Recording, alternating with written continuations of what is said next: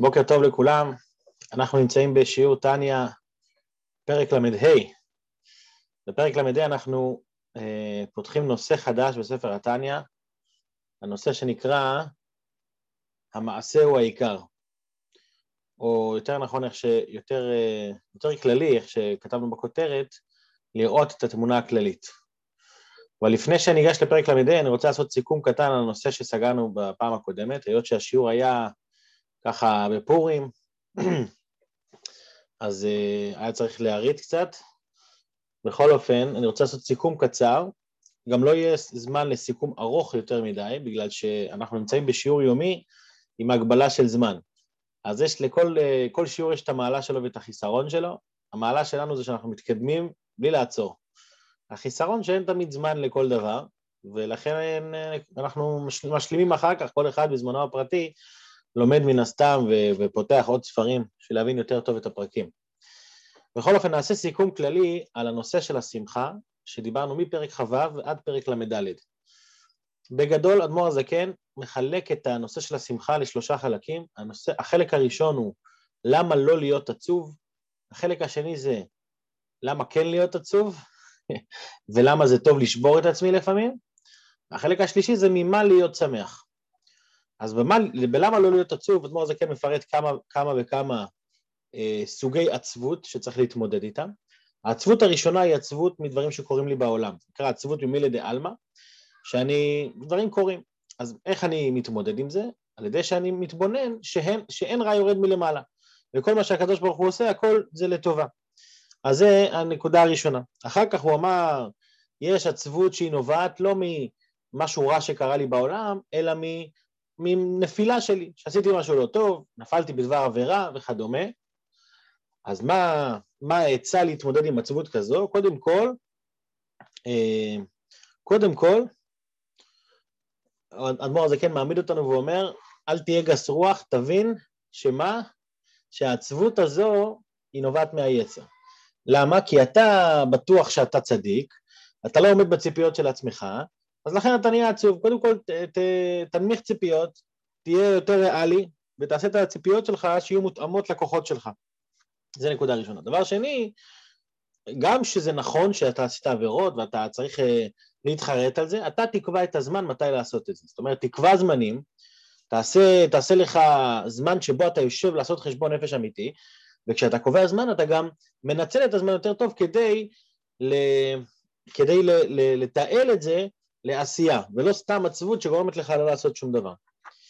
אחר כך הוא מדבר, אחר כך הוא מדבר, סליחה, אני קצת עירבתי פה, הוא מדבר גם על הנושא הכללי, לא אם חטאתי במשהו ספציפי, אלא עצם זה שאני שייך לחטא. כאן אדמו"ר הזה כן יורד עליי ואומר, אתה שייך לחטא, אין מה לעשות, תכיר את עצמך. ואדם צריך לעודד את עצמו שזה שהוא שייך לחטא, זה שהוא בינוני, שיש לו נפש כמו של רשע, זה אומר שהוא צריך להתמודד כל הזמן. אז, אז להתמודד זה ה... אז איך אני יכול לשמוח עם זה שאני צריך להתמודד כל הזמן? וזה, בשביל זה מסביר אדמו"ר הזה, כן, תדע לך שההתמודדות, שה... המלחמה עצמה, אצל הקדוש ברוך הוא זה נעלה יותר אפילו מהניצחון של המלחמה. זאת אומרת, הצדיק, זה, זה עושה נחת רוח לקדוש ברוך הוא. אבל אתה, שאתה נלחם, אתה עושה לא פחות נחת רוח ואפילו יותר, כמו שהוא אמר, שני מיני נחת רוח לפניו, אחד עם מאכלים מתוקים ואחד עם מאכלים חריפים. זאת אומרת שמתק... שמתקנים את המאכל, דווקא כשהאדם מתגבר, ההתקפיה של האדם היא זאת שגורמת לו, אה, אה, היא גורמת להתעלות וגורמת לשמחה למעלה. אז זה הסוג השלישי של העצבות, עצבות מעצם הרע שבי. הסוג הרביעי של העצבות זה עצבות מזה שאני לא מצליח, בעבודה עצמה אני לא מצליח להתרומם. למשל, אני מתפלל, באמצע התפילה פתאום נופלים מחשבות זרות, אז אני אומר לעצמי, איך יכול להיות? אני מתעסק בדבר טוב, איך יכול להיות שאני פתאום נופל בזה? התשובה שאומר אדמו"ר הזקן שזה בדיוק הפוך. אתה צריך לשמוח מזה שנופלים לך מחשבות זרות. לשמוח? למה לשמוח? בגלל שזה מראה שאתה באמת מתפלל. אם לא היית מתפלל, היצר הרע לא היה צריך להילחם בך. זה שאתה מצליח להתפלל, ופתאום נופלים לך מחשבות זרות, כנראה שהיצר הרע מבין שאתה עוד שנייה מתגבר עליו, אז הוא מפעיל את הכוחות האחרונים שלו, ולכן אתה צריך להפעיל את הכוחות נגד גם ולהילחם מולו ולא להיכנע, זאת אומרת לא ליפול לעצבות, שזה בעצם המטרה שלו, להפעיל אותך בעצבות. אדם ש... שהוא עצוב, אז הוא במצב רוח שלילי, במצב רוח שלילי אתה, חסר, חסר עשייה וחסר אנרגיות. כשאתה תהיה עם עשייה ועם אנרגיות, אז תוכל לגרש כל דבר אה, שמונע או מעכב ממך להתקדם. אחר כך אדמו"ר זקן בסוגריים מביא בפרקים כ"ט ול' את המעלה של העצבות, שהיא בעצם, הוא קורא לה מרירות.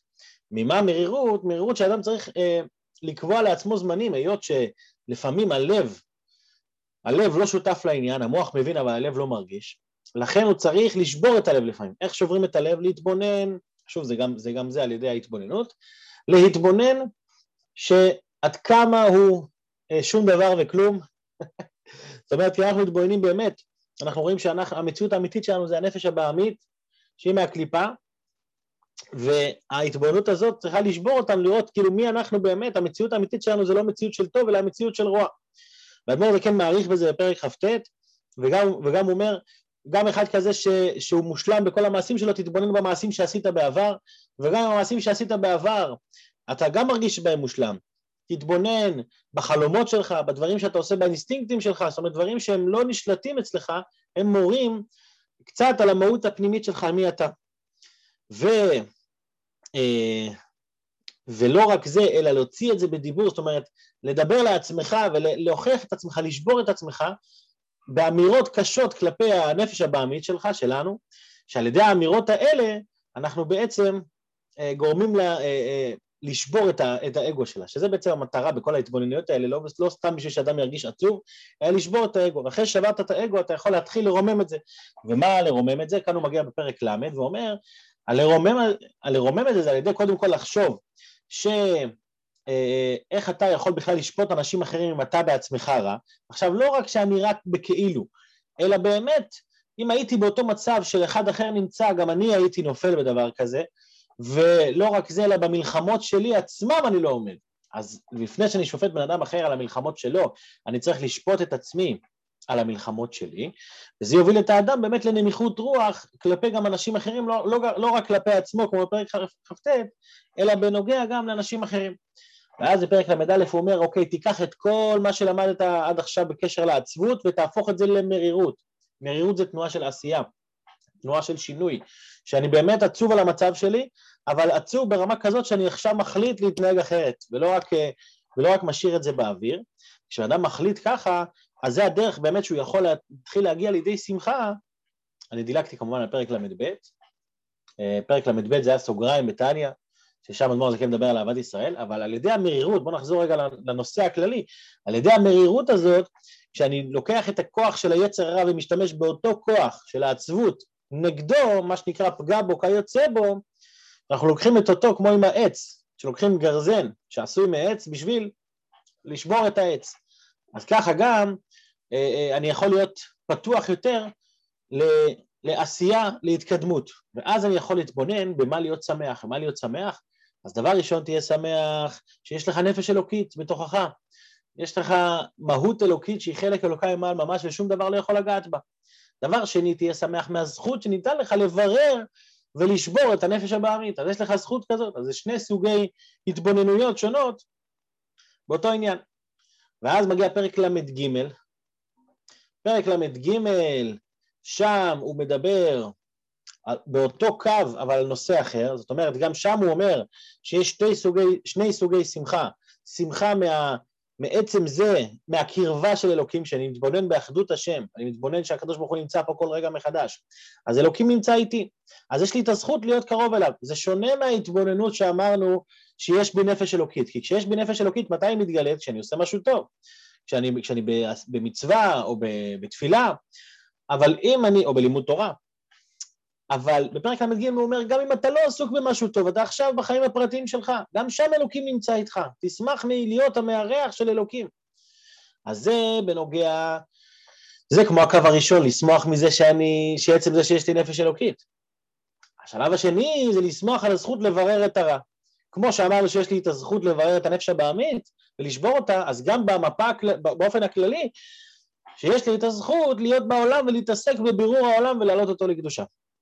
אה, וזה, ואז בפרק ל"ד הוא סיכם את הנושא הזה, שאדם, גם אם אתה לא בדרגה גבוהה, אלא אתה בדרגה אתה בדרגה רגילה, אתה לא כמו האבות, משה רבנו, אתה לא מרגיש את האלוקות בכל רגע ורגע, גם אתה יכול לשמוח בכל רגע מזה. עצם ההתבוננות מזה שיש לך את הזכות לארח את הקדוש ברוך הוא, איך? כשאתה לומד תורה, מקיים מצווה, גם אם אתה לא מרגיש את זה ברמה הרוחנית הכי גבוהה, עצם הלימוד, מיום שחרב בית המקדש, אין לו לקדוש ברוך הוא בעולמו, אלא ארבע אמות של הלכה.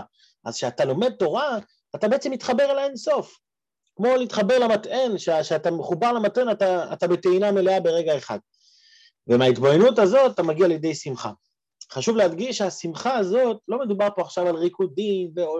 ועכשיו שאתה כל היום, מדובר פה על תנועה פנימית בנפש. שמחה זה תנועה שהאדם מגיע אליה על ידי התבוננות, על ידי לימוד, על ידי אימון שהוא כל הזמן מאמן את עצמו.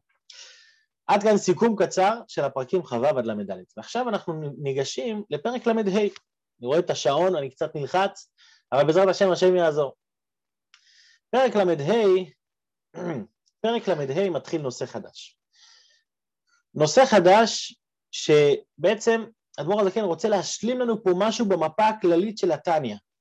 חשוב להבין איפה אנחנו נמצאים פה במפה הכוללת יותר.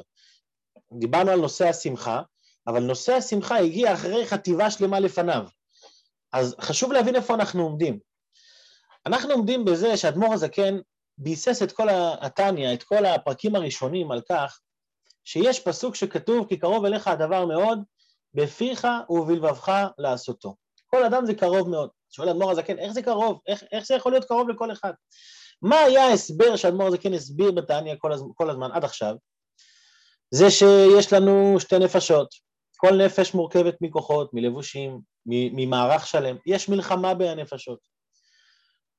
ואז מגיעה השאלה הגדולה, איך מתמודדים עם המלחמה הזאת? איך מתמודדים? איך אפשר להגיע לקרוב אליך הדבר מאוד בפיך ולבבך לעשותו? בשביל זה יש לנו שתי דרכים בספר התניא. הדרך הראשונה זה הדרך הארוכה.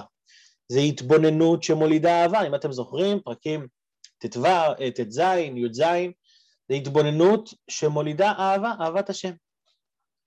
היא מולידה אהבה חדשה, זה התבוננות במשהו, בגדלות השם כל כך עמוקה, שהיא מביאה לי רגש שבלב, שיהיה קרוב מאוד בפיך ובלבבך.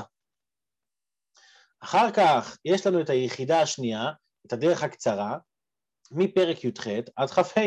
שם הוא הסביר שמה, מהי הדרך הקצרה? לעורר את האהבה המסותרת. זאת אומרת שזה אהבה שכבר קיימת, רק תגלה אותה. זה כל מה שדיברנו בפרקים האלה. אז שני הדרכים האלה, שתי הדרכים האלה הם בשביל, בשביל מה? שאדם יוכל להרגיש שקרוב אליך הדבר מאוד בפיך ולבבך לעשותו. ובדגש יותר על מה? בדגש יותר על בלבבך לעשותו. כמו שהוא אמר בפרק י"ז, שהבינוני לא יכול לשנות את הלב שלו לגמרי, אבל הוא כן יכול לשנות את הבלבבך לעשותו שלו. זאת אומרת, הוא יכול להשתמש בלב, קראנו לזה אז, אם אתם זוכרים, ביסוס רגשי. מה זה ביסוס רגשי? שהלב שלו שותף ללעשותו. למה, למה הוא מכוון את הבלבבך בפיך ובלבבך, בלבבך לעשותו? שיש לו אהבת השם, מה שמתאים, זאת אומרת, הוא לא יכול לשנות את הלב שלו כי הוא, כי הוא בינוני, בינוני יש לו נפש של רשע, אבל היות שהמוח שליט על הלב, היות שיש למוח כוח לשלוט באיך שהלב מרגיש, אז הוא הוא מחדיר בלב שלו אהבת השם ויראת השם שנוגעת למה לעשייה. זאת אומרת, הוא לא עכשיו בדבקות עילאית, אבל הוא כן עכשיו לא נופל בשום דבר, לא במחשבה, לא בדיבור, לא במעשה. זה פרקים י"ז עד ט"ז, י"ז וי"ח עד כ"ה. עכשיו, בתור סוגריים הוא הביא לנו את הסוגיה של השמחה, כדי שנבין שבלי שמחה לא, לא נצליח להתקדם. אבל עכשיו כביכול האדמו"ר הזה כן חוזר חזרה לתחילת הדרך. קרוב מאוד אליך הדבר מאוד, בפיך ולבבך לעשותו. זאת אומרת שזה קרוב לכל אחד, אבל עדיין יש פה שאלה שלא, שלא ענינו עליה. שמהי השאלה? השאלה היא על המילה לעשותו. למה, למה בן אדם יורד לעולם לחיות חיים שלמים כאן בשביל להילחם כל הזמן ולעשותו? הוא כל הזמן נמצא בעשייה. אומרים לו תעשה, תעשה, תעשה, הוא מתבונן בשביל לעשות, הוא מרגיש בשביל לעשות. באיזשהו שלב הוא מרגיש כאילו, בשביל מה כל המאמץ אם אני בחיים לא אצליח לשנות את עצמי? שזו שאלה יסודית, אנחנו מפאת הזמן לא מרחיבים יותר מדי, אבל הרעיון הוא שכמו כל פרק בתניא, פרק ל"ה הוא גם פרק יסודי מאוד לחיים. בגלל השאלה הזאת, השאלה הזאת של למה לי כל הסיפור הזה מלכתחילה, היא שאלה שאמורה להציק לכל אחד. זאת אומרת, נכון, הבנתי שמה? הבנתי ש, שיש לי נפש הבעמית, שאני, שיש לי מלחמה שלא נגמרת כל הזמן, שיש, שיש לי מוח שליט על הלב, אבל כל החיים בן אדם צריך לחיות בתחושה הזאת שהוא רק צריך לכפות את עצמו ולעשות עשייה בפועל. הרי כל המהות של היהדות זה לפעול על הלב של האדם. כמו שספר החינוך אומר, ספר החינוך אומר שה... ה... אני רואה שההקדמות ארוכות מדי, אני כבר רוצה לקרוא את הפרק. ספר החינוך אומר שכל המטרה של המצוות, הרי אלוקים כביכול לא צריך את המצוות. למה הוא מצווה אותנו מצוות? כדי שיהיה מושג שנקרא אחרי המעשים נמשכים הלבבות. זאת אומרת, תעשה משהו בשביל לשנות את הלב שלך. אלוקים בעצם רוצה את הלב שלנו. הוא רוצה ש- שאנחנו נהיה איתו. רק מה? הוא עושה לנו מצוות כדי שהמצוות האלה ימשכו אותנו אליו, אבל המטרה היא לא המצוות עצמם, אלא מה שמגיע בעקבותיהם. זה אומר ספר החינוך. אז לפי זה גם נשאלת השאלה. אם המטרה היא הלב, אז אתה הסברת לי עכשיו בטניה כל כך הרבה פרקים שלא תצליח לשנות את הלב. אתה, יש לך לב של רשע, יש לך נפש בעמית בתוכך, אז לא יעזור שום דבר. אז, אז, אז מה כל המטרה הכללית הזאת אם אני בחיים לא אגיע למטרה? ובפרט על פי חסידות. למה בפרט על פי חסידות? כי כל החסידות זה לשנות טבע מידותיו. החסידות באה בשביל, לא רק כדי שאני אעשה מעשים טכניים, אלא כדי שיהיה לי חיות במצוות, כדי שאני אהיה חלק מהעניין, אתם זוכרים כמה דיברנו על זה, שלא, שלא נעשה רקבים, לא, לא לסמן וי, עשיתי, עשיתי. ופתאום אותה חסידות מגיעה ואומרת לי, המעשה הוא העיקר. רגע, מה המעשה הוא העיקר? הרגע אמרת לי לא, לא לסמן וי, אז איך אני יכול, איך אני יכול לחיות בעולם כש, כשאומרים לי המעשה הוא העיקר ואני צריך תמיד בסוף לסמן וי. בשביל זה מגיע אדמו"ר הזקן בפרקים הקרובים, בחטיבה החדשה, מל"ה ועד פרק מ', והוא רוצה להסביר לנו, תבין את הערך ואת המשמעות של כל דבר קטן שאתה עושה. זאת אומרת, לא רק, לא רק, ש, לא רק שזה אמור להוביל אותך לש, לשלב שני של התרגשות ושהלב יהיה בעניין, אלא שזה עצמו מטרה בפני עצמה. העשייה עצמה, כל דבר, כל מצווה שאני עושה, כל פעולה קטנה שאני עושה, שאני ממלא בזה את הרצון של הקדוש ברוך הוא, אני ממשיך את האין סוף כאן. יש, יש לזה משמעות בפני עצמו, לא רק מה אני ארוויח מזה. אז עד כאן דברי ההקדמה, וזה החטיבה החדשה שלנו להסביר את, ה, את המעשה, את המעלה של הלעשותו, וזה קשור לכי אליך הדבר מאוד, כי מקודם אמרנו בפיך ובלבבך לעשותו. עכשיו הוא אומר, בואו נדבר על הלעשותו, לא רק על הבלבבך לעשותו, בואו נדבר קצת על הלעשותו, מה המשמעות הפנימית של זה, מה המשמעות האמיתית של זה. אז אחרי כל ההקדמות האלה אפשר להתחיל, גם בזה הסוגיה היא מאוד רחבה, יש לנו פה את המעלה של המעשה, יש לנו את הכוונה מול מעשה, ובעזרת השם לאט לאט עם הפרקים אנחנו נתקדם, הפרקים עכשיו מתחילים להיות יותר, אה, קצת, קצת אה, פחות חומר בכל יום, בעזרת השם מקווה שגם השיעורים יהיו קצרים יותר, אבל אבל uh, באריכות של הפרקים, הפרקים יותר ארוכים מהחצי הראשון, כי הוא מתעכב להסביר לנו פה את כל הנושא הזה בצורה מסודרת. בעזרת השם נצא לדרך בסדרה הזאת, ונקווה שנעמוד במשימה. בואו נשתף מסך ונתחיל, בשעה טובה. רגע, איפה המסך שלי? אוקיי. פרק ל"ה והנה לתוספת ביור תיבת לעשותו. צריך להבין מה זה תיבת לעשותו. זה כאילו, זה כאילו המשך מפרק י"ז. כדי להבין, כאילו בפרק י"ז הוא אומר, איך כי קרוב אליך, אז בוא נבין, י"ז, י"ח, י"ט, סבבה. עכשיו הוא ממשיך את מה שהוא עצר שם. לתוספת ביור תיבת לעשותו, וגם להבין מעט מזער. תכלית בריאת הבינונים וירידת נשמותיהם לעולם הזה, למה למה אלוקים ברא בריאה כזאת שנקראת בינונים, שהם ירדו פה לעולם הזה להתלבש בנפש הבעמית, שמהקליפה וסטרא אחרא, הרבי פה מדייק, מה זה להתלבש בנפש הבעמית? זאת אומרת, מילא תגיד לי שיש נפש אלוקית מול נפש בעמית, אבל אתה אומר לי שלא רק שהם אחד מול השני, אלא נפש אלוקית צריכה להתלבש בנפש הבעמית, היא לא, היא לא נפרדת ממנה, היא חלק ממנה. אז מה אתה רוצה? צריך להבין מה הבריאה הזאת שאלוקים ברא. את הבינוני, אחד כזה שהנפש אלוקית מלובשת בתוך הנפש הבעמית שלו, מאחר שלא יוכלו לשלחה כל ימיהם ולדחותה ממקומה מחלל השמאלי שבלב, שלא יעלו ממנה הרהורים אל המוח, אומרת, זה דבר שאי אפשר לשנות אותה. המציאות הזאת של נפש אלוקית בתוך הנפש הבעמית, ושיש תמיד מלחמה תמידית, שצריך תמיד לעצור את עצמי, זו מציאות שלא הולכת להשתנות בעידן הקרוב. כי מהותה ועצמותה של נפש הבעמית, שם מהקליפה, היא בתוקפה ובגבורתה אצלם כתולדותה. היא נמצאת שם בשיא הכוח, לא משנה כמה עבדת. כל החיים תעבוד, הנפש הבעמית עדיין שם. רק שלבושיה אינם מתלבשים בגופם, כנזכר לעיל. זאת אומרת, הלבושים של נפש הבעמית הם, הם לא באים לידי ביטוי, בגלל שמה בא לידי ביטוי? הלבושים של נפש אלוקית. אבל עדיין שואל, שואל את עצמו, הבינוני שואל את עצמו כל הזמן, אם כן, למה זה ירדו נשמותיהם לעולם הזה ליגאל הריק חס ושלום? הוא כאילו, זו מלחמה אינסופית שאין לי בזה תכלית.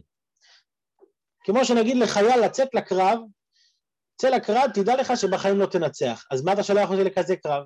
אז גם בינוני מרגיש אותו דבר, שלחו אותי פה לעולם להילחם, אבל אין תכלית למלחמה הזאת, אז זה לגל הריק. אני כל החיים נלחם עם היצר, ולא יאכלו לו, להילחם כל ימי עם היצר ולא יאכלו לו.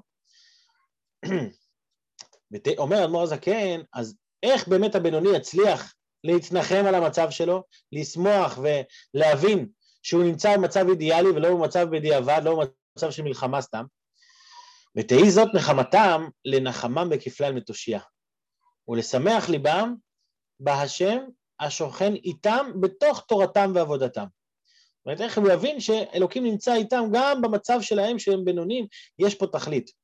שזה אגב מסביר לנו, כל הסוגיה הקרובה, גם אדמו"ר הזקן מדבר על התכלית של בריאת העולם. שלפעמים שואלים, למה הוא צריך לדבר על תכלית, אני מקדים פה קצת את המאוחר, אבל זה דברים שהם יסודות לסוגיה שלנו, שלפנינו, לכן אני מקדים את זה. אבל כולם יודעים שפרק ל"ו, ל"ז, אדמו"ר הזקן מדבר על תכלית בריאת העולם. למה אתה צריך לדבר על תכלית בריאת העולם?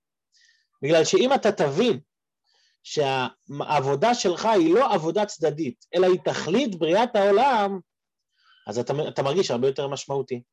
זאת אומרת, אם אני מתייחס למלחמה שלי רק כיעד לנצח, אז אני באמת מבואס שאני לא מצליח לנצח. אבל אם תסתכל על המלחמה שלך כזה היעד, היעד הוא נתאווה הקדוש ברוך הוא להיות לו דירה בתחתונים. זאת אומרת, נתאווה שיהיה לו משהו, שיהיה, שיהיה מלחמה, שיהיה כפייה של הסטרא אחרא. זה עצמו המטרה, זה עצמו התכלית. שוב, אני לא רוצה להקדים את המאוחר, אבל זה מה שנקרא לראות את המפה הכללית. כשאנחנו רואים, כשאנחנו רואים שלא רק העבודה שלי היא טובה ות, ותשמח בזה ותבין שאתה, שיש לך את היכולת לברר את הרע, אלא שתבין שזה התכלית של בריאת העולם, זה נותן לבן אדם הרבה יותר משמעות, שגם אם הוא לא ינצח את המלחמה אף פעם, לפחות הוא, הוא זה שמצליח לממש את תכלית בריאת העולם. אז לפני תכלית בריאת העולם, לפני כל זה, בואו נדבר על המעשה, על מה שאני עושה. למ, האם יש משמעות לדברים שאני עושה, אם זה בחיים אני לא אשנה את עצמי לגמרי. והוא, בהקדים לשון הינוקה, הינוקה זה היה הבן, התינוק, של, מה לי השם שלו? אה, של רב אמנון הסבא. אז בזוהר מובא הלשון שלו, לשון הינוקה, בזוהר פרשת בלק, על פסוק, החכם, החכם עיניו בראשו. יש פסוק, החכם עיניו בראשו, כולם מכירים, מה אומר הפסוק הזה? הפסוק הזה אומר שמי שחכם, הוא רואה את הנולד, הוא מסתכל קדימה, עיניו בראשו, והוא מסתכל קדימה. אבל הזוהר לוקח את זה ולומד מזה משמעות קצת אחרת. שואל הזוהר, וכי באן אתר עינוי דברנש? איפה באמת, וכי באן, איפה המקום של העיניים של ברנש? למה צריך להגיד לי שהחכם עיניו בראשו? מה, אני לא יודע איפה העיניים שלו? מה, חשבתי שהעיניים שלו נמצאים, אה, נמצאים על גבו? מה זה החכם עיניו בראשו? הוא מדייק, הזוהר, הוא מדייק על, ה, על, ה, על המשמעות בראשו, אלא, אומר הזוהר, קרא הכי הוא, צריך לקרוא את הפסוק כך, ודאי דתנן לא יהך בר נש בגילוי ירי שלא ילך בן אדם בגילוי ראש ארבע אמות. זאת אומרת, מה זה עיניו בראשו? שעיניו פונות ומסתכלות על ראשו, שהוא לא ילך ארבע אמות בלי כיסוי ראש, בלי כיפה. למה? מה היא טעמה? דשכינתה שריה על רישי, שהשכינה שורה על ראשו. ולכן ממשיך הזוהר ואומר, וכל חכם עינויי, העיניים שלו, ומילויי והדיבורים שלו והמילים שלו ברישי, בראש שלו עינון. הם נמצאים בראש. במה זה בראש, הם פונים כלפי הראש ומסתכלים מה נמצא לי מעל הראש, למה יש לי כיפה? בגלל בההוא דשריה וקיימה על רישי. זאת אומרת, אותו אחד, השכינה, הקדוש ברוך הוא, ששורה וקיים על הראש שלי. וכדינוי תמן, וכשהעיניים שלו יהיו שם פנויות כלפי הראש, אז הוא צריך לידע, מוסיף על הזוהר עוד פרט, אם אתה כבר מסתכל על הראש, תבין, לימדה, תדע, דההוא נאורה, אותו אור, דהדליק על רישי, אותו אור שדלוק לו על הראש שלו, מה זה האור הזה? זה השכינה, איץ צריך למשחה, הוא צריך לשמן, כמו נר שצריך, בלי שמן הנר יכבה, כך הנר שנמצא על האדם, האור שנמצא על האדם, הוא צריך לשמן, שהוא יצליח לדלוק, בגין דגופא דבני נשה, שבגלל שהגוף של בן אדם היא הוא פתילה, זה הפתילה. והנהורה דאדליק לעילה, ונאור אדליק עליה, והאור דלוק על הפתילה הזאת. אז, ושלמה, רגע נסיים את הזה ונעשה סיכום. ושלמה מלכה צבח ואמר, שלמה המלך אומר, ושמן על ראשך אל יחסר.